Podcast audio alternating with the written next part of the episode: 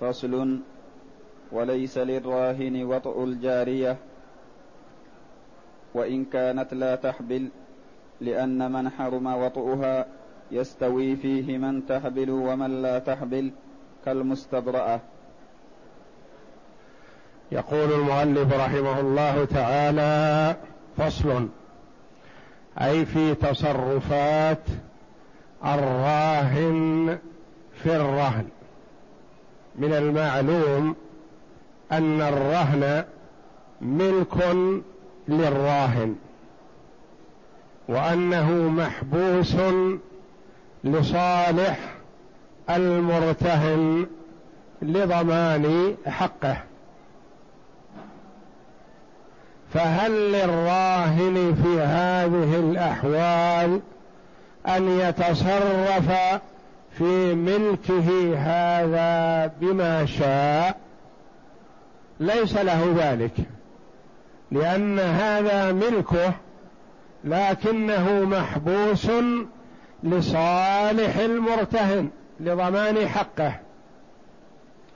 قال رحمه الله وليس للراهن وطء الجارية وإن كانت لا تحبل الراهن قد يكون عليه دين لشخص ما. فيقول صاحب الدين أعطني رهن. فيعطيه جارية فيرهنها.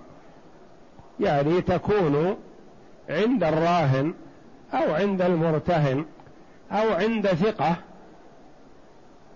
لضمان حق المرتهن أنه متى عجز الراهن عن التسليم تباع الجارية ويستوفي المرتهن حقه من قيمتها.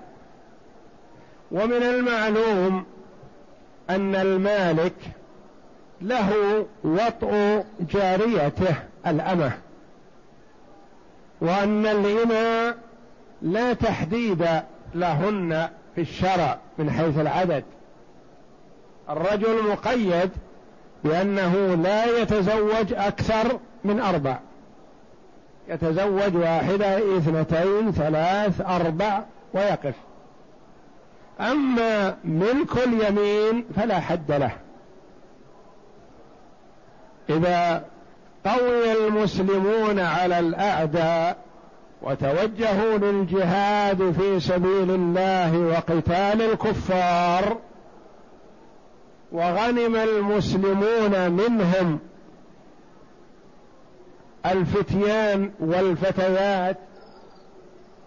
تكون الفتيات للمسلمين إماء ويكون الفتيان أرقا استخدمهم المسلمون. فقد يكون للرجل أمة أو أكثر من أمة وله وطئها متى شاء ما دامت في ملكه. لكن إذا كانت هذه الجارية هذه الأمة رهن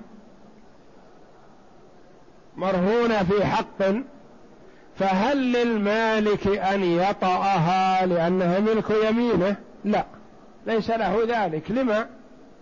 لأنه في وطئها يفسد الرهن. لأنه ربما وطأها فحملت. فصارت أم ولد وأم الولد لا تباع. الأمة تباع أم الولد لا تباع. فقالوا إذا الرهن لا يجوز للراهن أن يطأها. لماذا؟ خشية أن تحمل.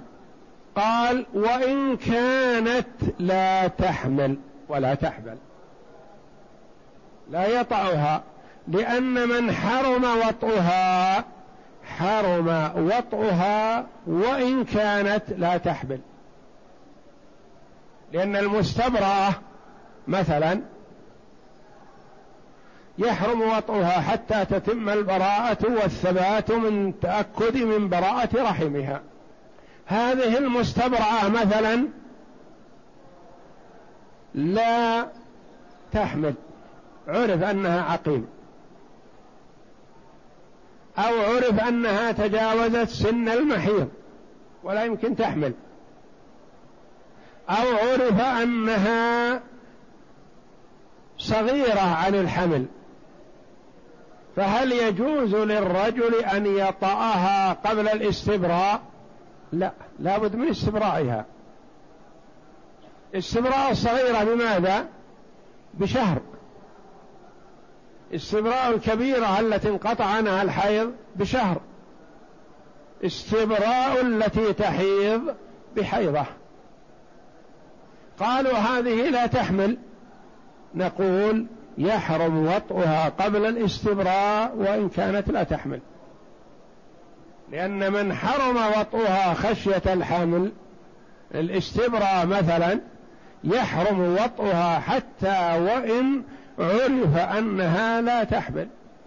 ويحرم وطئها حتى يتم الاستبراء. فكذلك هذه يحرم وطئها لأنها مرهونة وحتى مع التأكد بأنها لا تحمل كذلك يحرم وطئها. نعم. فإن وطئ فلا حد عليه لأنها ملكه. فإن وطئ تعدى قلنا لا يحل له لا يجوز له أن يطعها لكن وطأ بالفعل. فهل نقيم عليه الحد؟ لا لأنه ملكه جاريته. فلا حد عليه لأنها ملكه. نعم. فإن نقصها لكونها بكرا أو أفضاها فعليه ما نقصها إن شاء جعله رهنا وإن شاء جعله قصاصا من الحق. فإن وطئ فلا حد عليه لأنها ملكه. فإن نقصها نقص إذا وطئها حصل الوطء بالفعل. نقول خلاص امتنع. امتنع عن وطئها لا يحل لك. ولا نقيم عليك حدا فيما مضى من حصل لأنها أمتك. لكن ننظر قد يكون الوطأ هذا نقصها وقد لا ينقصها. فإن نقصها فلنا وإياه شأن. وإن لم ينقص قيمتها فلا شيء عليه. مثلا هي أصلها ثيب ووطئها وتبين لنا عزلناه عنها وتبين لنا أنها لم تحمل. نقول له ادفع مقابل وطئك إياها. لا. لأن هذا الوطء ما نقصها. ثيب وطئها سيدها ما في نقص. قد يكون الوطء هذا ينقصها. فإذا نقصها لنا وإياه شأن. لأنها قبل مثلا هي مرهونة على أساس خمسين ألف. وهي قيمتها ستين ألف. مثلا. حينما كانت بكر. لكن لما أصبحت ثيب لو عرضناها في السوق ما تساوي إلا أربعين. نقصت. لأن ما كل يرغب في الثيب. يريد بكر. المشتري يدفع فيها غالي الثمن لأنها بكر. ما مسها أحد. بعد أن صارت ثيب نقصت قيمتها. نقول هذا النقص في القيمة يلزمك الآن. أنت أعطيتها رهن على خمسين ألف وهي تساوي مثلا ستين ألف والآن أصبحت تساوي أربعين. نقول يلزمك أن تدفع عشرين. الآن تدفع عشرين لتكون رهنا معها. ثم إذا دفع العشرين يجوز أن نجعلها رهنا معها. نقول الرهن جارية وعشرين ألف. ويجوز أن نجعل هذا الرهن هذا النقص مثلا قصاصا عن القيمة. نقول الدين كم هو؟ الدين خمسين ألف مثلا. نقول ادفع هذه العشرين ويكون ما بقي عليك إلا ثلاثون ألف. يعني يجوز أن يحفظ رهن ويجوز أن يدفع من القيمة. فإن نقصها لكونها بكرا يعني تنقص بالوطن أو أفضاها. أفضى. انتبه لها.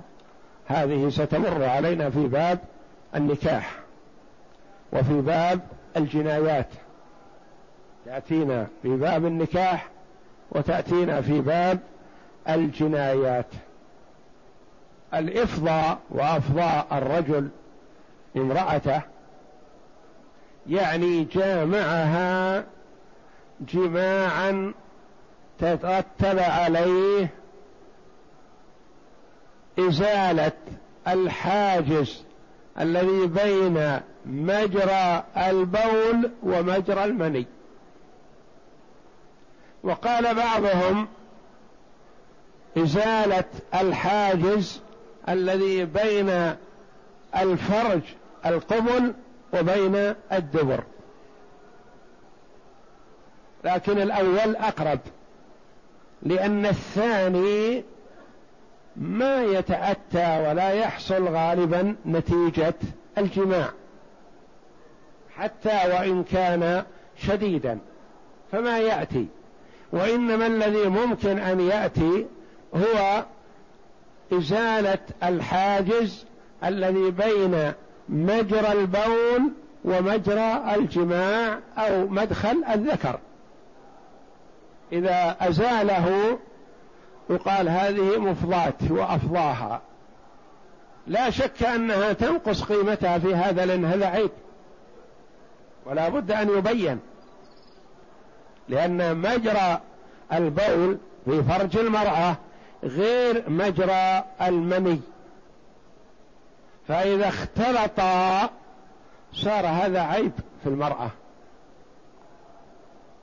إن كانت زوجة ولم يعلم بهذا مثلا فهو عيب. ممكن يستعيد مهرة. ولأنه يترتب على هذا الإفضاء ثلث الدية. مثل الحاجز الذي بين المنخرين.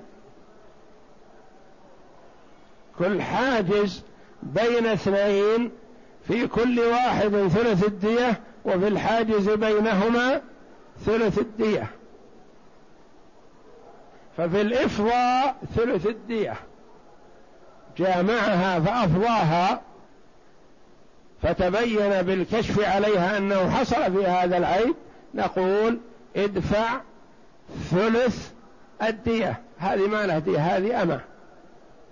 نقول ادفع ثلث القيمة. ديتها قيمتها. فإن نقصها لكونها بكرا أو أفضاها فعليه ما نقصها. عليه أن يدفع النقص هذا الذي حصل عليها ويكون رهنا معها. إن شاء جعله رهنا معها وإن شاء جعله قصاصا من الحق يعني يدفعه وفاء من الحق الذي عليه. وإذا لم تحمل منه فهي رهن بهالها. وإذا لم تحمل منه يعني جامعها ولم تحمل فهي على حالها رهن. لأنه قبل أن يرهنها هي كانت أمته ويجامعها متى شاء. فهي جامعها ولم تحمل يصلح أنه يجامعها ويستبرئها ويبيعها. كما لو استخدمها. كما لو استخدمها يعني جعلها عنده للخدمة ولم يجامعها فهي على حالها رهن. نعم. وإن ولدت, وإن ولدت منه فولده حر وصارت أم ولد له لأنه أحبلها بحر في ملكه. وتخرج من الرهن موسرا كان أو معسرا رواية واحدة لأن الإحبال أقوى من العتق. وإن ولدت يعني هي رهن ووطئها فحملت فولدت. تصلح تكون رهن بعد الولادة؟ لا. إن حملت وأسقطت قبل أن يتبين في خلق إنسان فهي بحالها رهن. لانها ما ولدت له فهي أمة وهي على رهنها. فإن ولدت خرجت من الرهن. ما صارت أصبحت ما تصلح أن تكون راهن أم ولد. الرجل يرهن زوجته يرهن أمه يرهن أخته لا. ما ترهن. أصبحت أم ولد ما تصلح للرهن لأنها ما تباع. لأنه أحبلها بماذا؟ بحر. فرق بين لو حبلت يعني حملت بحر أو حملت برقيق. إذا حملت بحر أصبحت هي حرة بعد وفاة زوجها سيدها. وولدها هذا يحررها لأنه حر. لكن لو حملت برقيق يبطل الرهن لا ما يبطل. تكون هي وولدها. رهن. مثل البقرة والبعير وغيرها. الناقة مثلا. الناقة رهن حملت هي وولدها رهن. البقرة حملت هي وولدها. رهن. رقيقة تحت رقيق ولدها تبعها. الولد تبع الأم في الرق. أصبحت هي وولدها رهنا. لكن إذا أحبلها سيدها ولدها يكون رقيق؟ لا ولد السيد ما يكون رقيق. لأنه أحبلها في حر بحر في ملكه.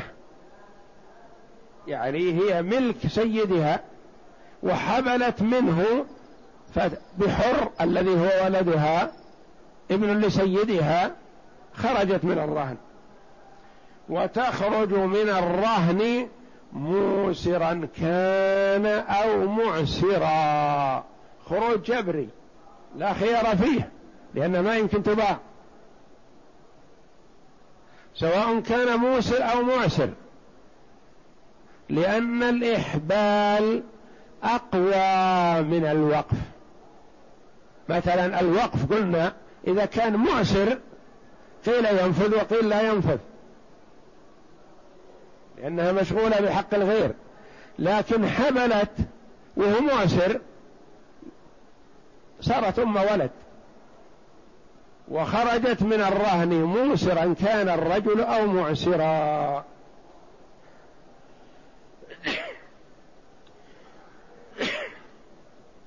رواية واحدة ما في خلاف. لأن الإحبال أقوى من الرق. قد يقول قائل هذه دعوة يرحمك الله.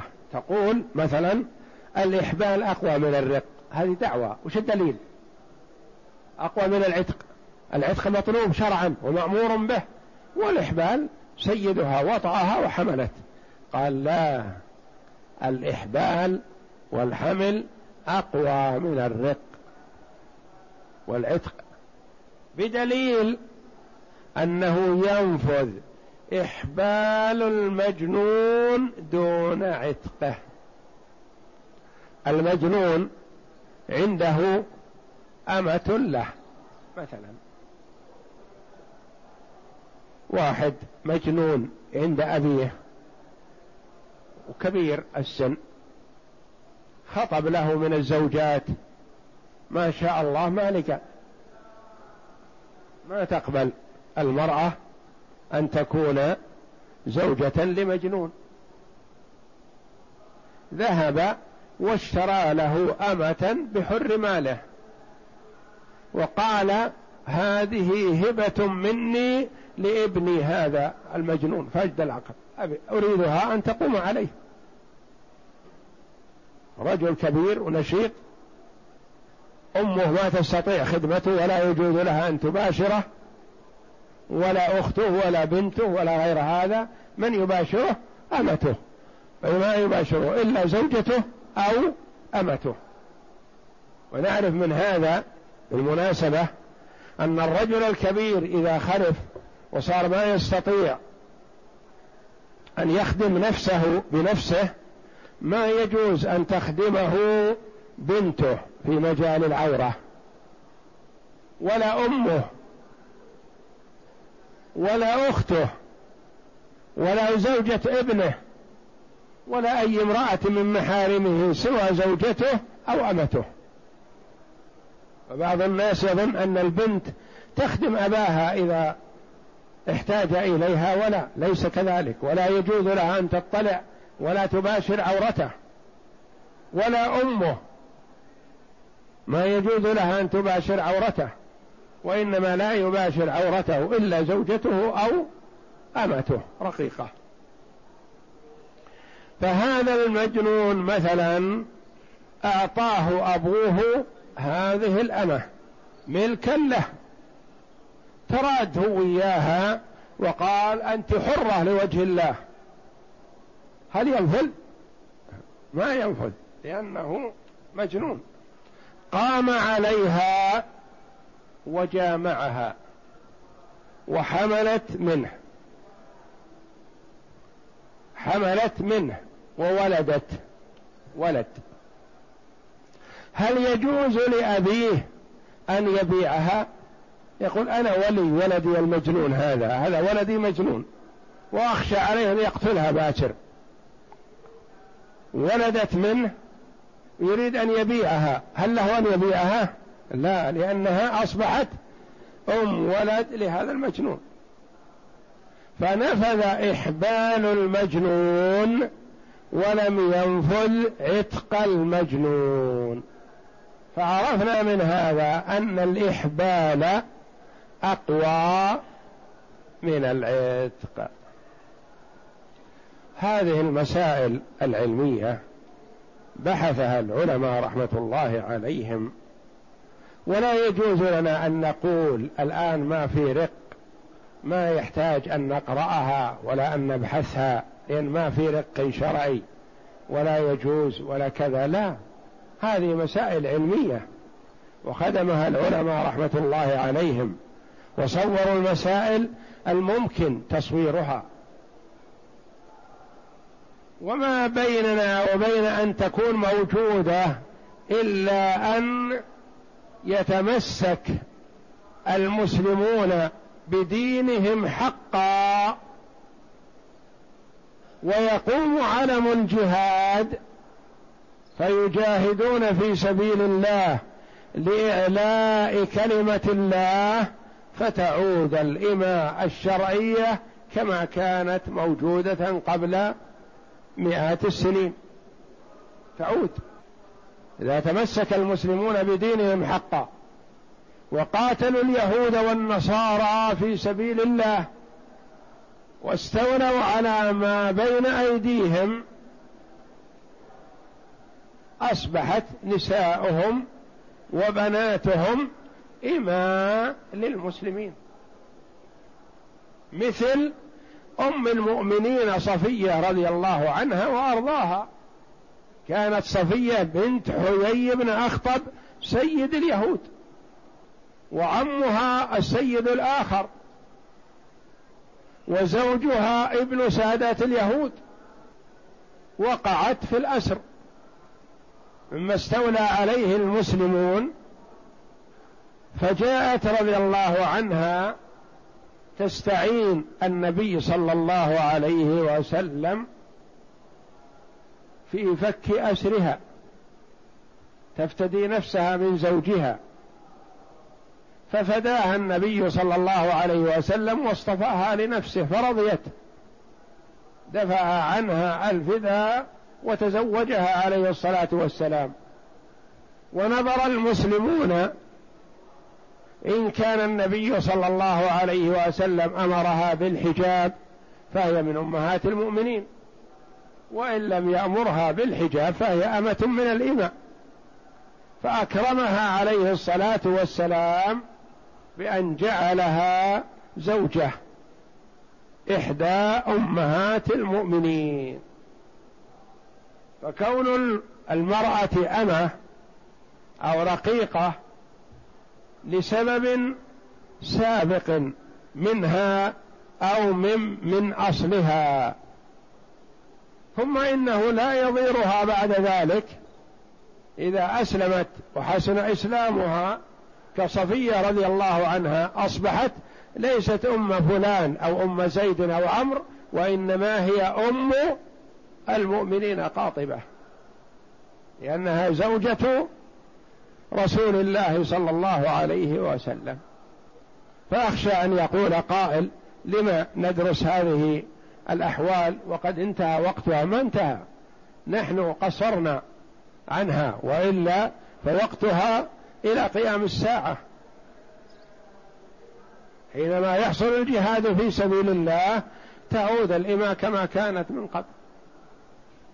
لأن الإحبال أقوى من العتق. ولذلك ينفذ إحبال المجنون دون عتقه وعليه قيمتها يوم إحبالها لأنه وقت إتلافها. نعم. وعليه قيمتها يوم إحبالها. هي أمة لسيدها وسيدها رهنها. إن أحبلها يعني هو يجوز له أن يجامعها بموافقة المرتهن. فالمرتهن أذن له مثلا أو المرتهن خشي عليها من الوقوع في الحرام فقال لسيدها خلها تبيت عندك ما شئت. فإن أحبلها بإذن المرتهن فلا شيء للمرتهن حينئذ لأنه آذن بهذا الشيء. وإن كان إحبالها بدون إذن المرتهن فعليه قيمتها متى؟ يوم إحبالها يوم حملت. عليه قيمتها تكون رهنا مكانها. نعم. وإن تلفت بسبب الحمل فعليه قيمتها. وإن تلفت بسبب الحمل هي حملت. ثم نظرنا إن ولدت أصبحت ولد. وإن سقط الحمل مثلا قبل أن يتبين في خلق إنسان فهي لا تزال أمه من الإماء. لكنها بسبب هذا الحمل ماتت. فعلى الراهن قيمتها لأن موتها بسبب منه. نعم. لأنها تلفت بسبب كان منه لأنه أحملها فبحملها تلفت.